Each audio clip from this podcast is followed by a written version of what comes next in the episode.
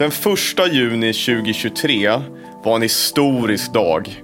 Den dagen kommer för alltid vara startskottet för det enhetliga patentskyddet i Europa kallat Unitary Patent och den enhetliga patentdomstolen Unified Patent Court. I årtionden har man i Europa diskuterat och försökt få till ett enhetligt patentskydd. Och nu, nu är man i mål. Och för många teknik och teknologiintensiva företag är ju patent den eller en av de mest värdefulla tillgångarna i bolaget.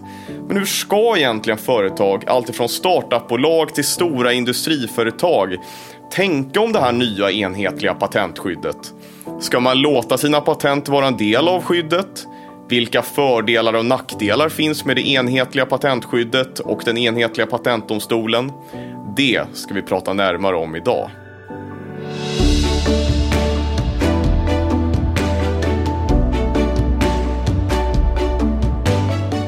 Hej och välkomna till IP-kompassen. Podden för dig som är IP-ansvarig, rd chef bolagsjurist, VD eller helt enkelt bara intresserad av immaterialrätt.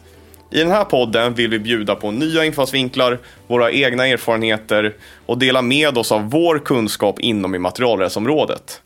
Jag heter Mikael Montner och arbetar med immaterialrätt på advokatfirman Vinge och har tidigare arbetat på Patent och marknadsdomstolen. Och med mig idag för att tala om det nya enhetliga patentet Unitary Patent har jag min kollega Åsa Hellstadius som är advokat och expert inom immaterialrätt med särskilt fokus på patent. Och sist men inte minst har vi med Anders Bratt från Åhléns patentbyrå som är patentombud med lång erfarenhet av att arbeta med patent. Och då särskilt inom läkemedel, bioteknik och medicinsk teknik. Hej Åsa Anders och varmt välkomna till IP-kompassen. Tack Micke. Tack, kul att vara här.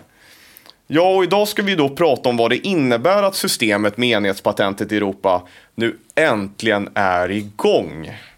Mina kollegor Håkan Borgenhäll och Alexander Lindeberg diskuterade tidigare i ett avsnitt av IP-kompassen lite om bakgrunden till det enhetliga patentskyddet och om, om vad den enhetliga patentdomstolen kommer innebära. Så jag tycker när ni har lyssnat på oss här idag så ska ni också gå in och lyssna på det avsnittet för att lära er mer om Unified Patent Court. Men när det avsnittet spelades in av IP-kompassen så var det högst osäkert när systemet egentligen skulle komma igång. Men nu, nu hörni, nu är det verklighet. Så i det här avsnittet tänker jag att vi ska fokusera på själva enhetspatentet och vad man nu kan behöva tänka på när systemet är up and running. Men, men först kanske vi bara ska ta och förklara för lyssnarna vad det här enhetliga patentskyddet är för någonting. Anders, skulle du kunna berätta för lyssnarna vad enhetspatentet är för något? Absolut. Så sen länge, sen eh, 1973 faktiskt, så har vi haft ett system där Europeiska patentverket, eh, som ligger i München i Tyskland, beviljar patent för hela Europa. Men när det väl har beviljats då så har det liksom fallit isär till nationella rättigheter. Så man har behövt översätta patentet eh, i varje land där, man, där det ska gälla. Och sen har man behövt betala årsavgifter i varje land. Och sist men inte minst, om man vill beivra intrång så måste man väcka en intrångstalan i varje land. Så att det blir liksom dyrt och, och tungrot. Men nu, nu får man med det här enhetliga patentet en patenträttighet som täcker in 17 länder. Däribland stora länder som Tyskland, Frankrike och Italien. Och även Sverige ingår ju då. Så att det här eh, läker många av de här problemen. Man får alltså man betalar eh, en årsavgift för alla de här länderna och man kan beivra intrång genom att väcka en enda talan vid enhetliga patentdomstolen. Så det har flera fördelar.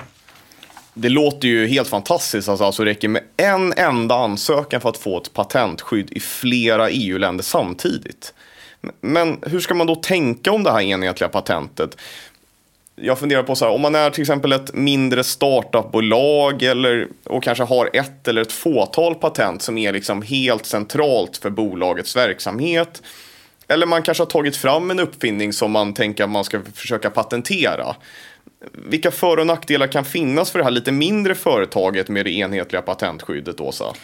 Ja, Micke, det har ju talats mycket om att det enhetliga patentet kan ge en kostnadseffektiv lösning. Och det stämmer kanske om vi tittar på kostnaderna för att få och upprätthålla ett patent genom årsavgifterna. Då blir det fördelaktigt med enhetspatent om skydd önskas i ett stort antal länder. Men kanske inte om man vill ha skydd i kanske bara tre länder, säg Frankrike, Tyskland och Nederländerna. Och man måste också ta med i beräkningen att Storbritannien står utanför systemet. Och det är en viktig marknad och många vill ha skydd även där. Så den kostnaden måste man ju då lägga på kostnaden för UP-patentet eller det enhetspatentet. Sen blir det en lite annan bild om man ser på kostnaderna för att processa i den enhetliga patentdomstolen.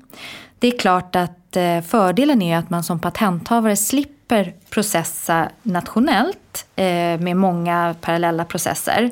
Men domstolsavgifterna är högre, i alla fall eh, jämfört med vad vi är vana vid i Sverige. Och det finns också ett kostnadstak som hindrar vinnande part att få sina rättegångskostnader täckta fullt ut från motparten. Då. Och sen är det så att den här risken att förlora ett patent i samtliga jurisdiktioner om man då blir utsatt för en genstämning eh, avseende ogiltighet. Det driver på ett behov av högre krav på förberedelser och bevissäkringen, vilket ju också är kostnadsdrivande. Så kostnadsnivån kommer nog generellt att vara högre i enhetsdomstolen, i alla fall när det gäller processerna. Det ska man tänka på som ett mindre företag. Och sen är det en annan aspekt eh, och det är att är man ett startupbolag med kanske ett eller några få patent så finns det ju en risk att låta det eller de patenten ligga i det enhetliga systemet eftersom det kan ogiltigförklaras i endast en process. Så det här eh, risken att lägga alla ägg i samma korg den är ju kanske mer eh, befintlig för de här mindre företagen. Ja, men spännande. Men, men om vi vänder på steken då och tänker oss mer ett större industriföretag som kanske har en stor patentportfölj eller ett multinationellt företag inom till exempel medicin eller bioteknik. Vilka för och nackdelar med det enhetliga patentskyddet kan finnas för den här typen av företag, Anders? Ja, egentligen är det liknande överväganden och, och, det är viktigt här att man har en patentstrategi som stöder eh, företagets eh, affär. Och jag tror att man, man ska bland annat tänka på om man har sådana här kronjuvelspatent, till exempel eh, i läkemedelsindustrin, alltså ett patent som kanske täcker en aktiv substans, så ska man fundera på att kanske inte gå in i enhetspatentet just för att det finns en risk för en, en central ogiltighetstalan. Ehm, men, men det kan också vara så att man ska ha ett portföljtänk och se över hela portföljen. Man kan göra olika val för olika delar av portföljen. Man kan också anpassa skyddet gradvis över tid genom att släppa skydd om man, om man eh, väljer att inte gå med det enhetliga patentet. Men, men jag tror att eh, det finns olika för och nackdelar. Till exempel så om man är tänkt att licensiera ut sitt patent så kan man nå många länder på ett effektivt, kostnadseffektivt sätt med enhetspatentet. Och det kan man också väga in. Så jag tror att man eh, behöver ta ett, ett rejält tänk och, och se hur eh, ens patentstrategi stöder affären. Och, och det, det, blir mer komplext med de här nya valen som man behöver göra. Du var inne på det lite tidigare Anders, men vad gäller egentligen för europeiska patent där man liksom inte aktivt har valt att det ska vara ett enhetspatent. Är man liksom ändå som innehavare av ett europeiskt patent nu automatiskt med i systemet med det enhetliga patentskyddet? Eller Åsa, vad gäller här egentligen? Ja, de har ju inte enhetligt skydd, men de här patenten ligger ändå under den enhetliga domstolens jurisdiktion. Eh, så för mål om exempelvis intrång eller ogiltighet så kommer den enhetliga domstolen att vara kompetent. Och vill man inte det, då får man göra en så kallad opt-out. Då undandrar man de här patenten från domstolens jurisdiktion. Och när du talar om det här med opt-out, vad, vad syftar det till? Vad, vad handlar det här om?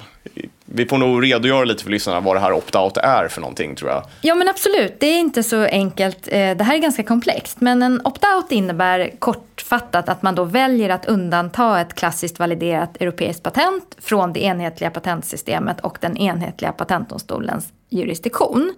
Men då ska man veta att för det första så kan den här opt-outen bara göras för europeiska patent eller europeiska patentansökningar. Och för det andra så finns möjligheten till opt-out kommer bara finnas under en övergångsperiod om sju år. Den kan kanske komma att förlängas med sju år. Men efter det kommer alla de här europeiska patenten att vara under eh, den enhetliga patentdomstolens jurisdiktion. Men då tänker jag så här, om man som patenthavare då har valt att göra en sån här opt-out och låta sitt eh, patent vara utanför systemet. Är jag liksom alltid ute i kylan eller kan jag inte komma tillbaka in i värmen igen? Eh, vad gäller där Anders? Ja, det finns faktiskt möjlighet att ångra sig och man kan gå till, komma tillbaka in till den enhetliga patentdomstolen genom att göra en så kallad opt-in. Eh, men sen, sen kan man inte ändra sig mer utan då är man inne under det systemet. Så att någon gång får man, får man sätta ner foten och bestämma sig. Det låter ju ändå rätt rimligt att då till slut så är man liksom fast i systemet med det enhetliga patentet. Att man inte bara kan hoppa in och ut hur man vill. Men Åsa Anders, när vi spelar in det här nu så har ju systemet med det enhetliga patentet varit i kraft i snart fem månader. Och då undrar jag lite, vad är era reflektioner över de här första månaderna som systemet har varit igång? Har det varit många patenthavare som valt att låta sina europeiska patent vara en del av det enhetliga patentskyddet? Eller hur ser det ut, Anders? Ja, alltså det verkar vara ett stort intresse. Nu, nu har systemet inte varit igång så länge och eh, siffrorna är kanske inte helt rättvisande på grund av olika övergångsregler. Men, men under den här tiden, så preliminärt, så är det ungefär 40% av de patent som beviljas av EPO som går och blir enhetspatent. Och det tycker jag det är en hög siffra. Och då gäller ju de i 17 länder, men det är många länder som, som inte skyddas då, bland annat Storbritannien. Så att av de här 40 procenten så är det ungefär hälften som dessutom väljer att validera på klassiskt sätt i ytterligare länder, till exempel Storbritannien. Och eh, en annan intressant spaning är ju att tidigare så valde man ju ofta att validera ett sånt här europeiskt patent bara i ett fåtal länder. Ofta typiskt sett Tyskland, Frankrike och Storbritannien. Och det verkar då som att många av de här istället nu blir enhetspatent. Och det gör ju att det kommer bli fler patenträttigheter i Europa. Det blir väldigt intressant för er som håller på med, med intrång kan jag tänka mig. Det låter spännande. Åsa, vad har du gjort för reflektioner om den här första tiden? Ja, det är väldigt spännande tider, precis som Anders säger. Att vi har ju en helt ny europeisk domstol, ett helt nytt processuellt system, nya regler, någonting som vi liksom inte har sett förut. Och det är klart att vi följer det här med intresse. Och hittills kan vi se att domstolen har tagit emot cirka 250 ärenden som omfattar många olika teknikområden. Till exempel life science, mekanik och konsumentprodukter. Och Eh, är det något som innehavare av enhetspatent är intresserade av så är det ju att få förbud i hela det här området. Man får ju då med en process förbud i 17 länder. Och domstolen har meddelat flera interimistiska förbud och i något fall dessutom så kallat ex parte-förbud. Det vill säga när det är fara i dröjsmål så kan man då meddela det här förbudet utan att motparten behöver höras innan det här förbudet eh, meddelas. Som då är ett förbud i avvaktan på slutlig prövning. Och sen så har en, domstolen behövt hantera en, en hel del processuella frågor som ju kommer upp när det är ett sånt här nytt system. Och Eh, en annan reflektion det är ju att det här datasystemet hos domstolen tyvärr inte verkar fungera optimalt. Vilket gör att det bland annat inte ännu är riktigt transparent hur många processer som pågår och var. Ja, ja, jag förstår. Det verkar alltså finnas vissa barnsjukdomar nu i början här och det kanske man ändå får ha viss förståelse för. Men om vi, om vi blickar framåt lite nu, hur, hur tror ni framtidsutsikterna ser ut för det enhetliga patentskyddet i Europa? om 10 år, 20 år, hur tror ni att det kommer se ut? Kommer vi liksom helt ha glömt bort det gamla systemet då? Anders, vad är dina reflektioner? Jag, jag, tror att det finns behov i framtiden av även av det gamla systemet. Anta till exempel att eh, jag jobbar, har ett patent som skyddar eh, skogsmaskiner och min marknad är framförallt Finland och Sverige. I det läget så, så kan ju ett klassiskt validerat patent som bara gäller i Sverige och Finland till exempel vara var mycket bättre än ett enhetspatent. Jag har kanske inte ett jättestort behov av, av skydd i, i Nederländerna då. Så att eh, jag tror att båda systemen kommer att finnas kvar under överskådlig tid. Och jag tror eh, att, att eh, man som patenthavare, man behöver då när, när patentet beviljas, så behöver man göra ett strategiskt val här vilken väg man vill gå. Eh, och det har blivit mer komplext helt enkelt. Det finns ett ökat behov av, av rådgivning kan jag säga. Och för min del Eh, om man tittar från den processuella sidan så är jag övertygad om att den enhetliga patentdomstolen kommer på sikt att bli normgivande för nationella processer. Och det gäller inte bara deras tolkning av materiell patentjuridik utan också processuella eh, aspekter. Jag tänker till exempel på det här med kostnadstaket för ersättning för rättegångskostnader. Det ska bli väldigt intressant att se om nationella domstolar kommer också, eh, att det kommer bli en dämpande effekt där när, när UPC, eller den enhetliga patentdomstolen då, kommer igång. Ja, men det är ju verkligen onekligen spännande tider att eh, jobba med patent. Eh, Anders Åsa, är, är det något sista vi vill skicka med lyssnarna innan vi avslutar? Ja, det, som jag sa, det har blivit mer komplext. Så tveka inte att ta kontakt med din, ditt patentombud, till exempel Noréns då, då, så kan vi hjälpa dig med de här frågorna. Och eh, jag skulle vilja flagga för att Eh, här i Stockholm så är ju sätet för den enda regionala eh, avdelningen i den enhetliga patentdomstolen den nordisk-baltiska regionala avdelningen där rättegångsspråket är på engelska. Så jag skulle vilja rekommendera alla att utnyttja den här möjligheten att eh, ta hjälp av den här kompetenta domstolen och oss på Vinge såklart. Och med detta får vi runda av dagens avsnitt om det enhetliga patentskyddet. Men om ni vill höra mer om detta så ska min och Åsas kollega Malin Malm Värme tala om sina reflektioner från det första halvåret med den nya enhetliga patentdomstolen på vårt event IP Vinge i Stockholm nu den 9 november. Det vill ni inte missa. Varmt välkomna då! Och avslutningsvis, eh, stort tack Åsa Anders för att ni ville gästa IP-kompassen. Tack Micke, roligt att vara här. Tack. Som sagt, detta var allt från IP-kompassen för idag och tack för att du lyssnade. Ta hand om er nu och era patent så hörs vi snart igen.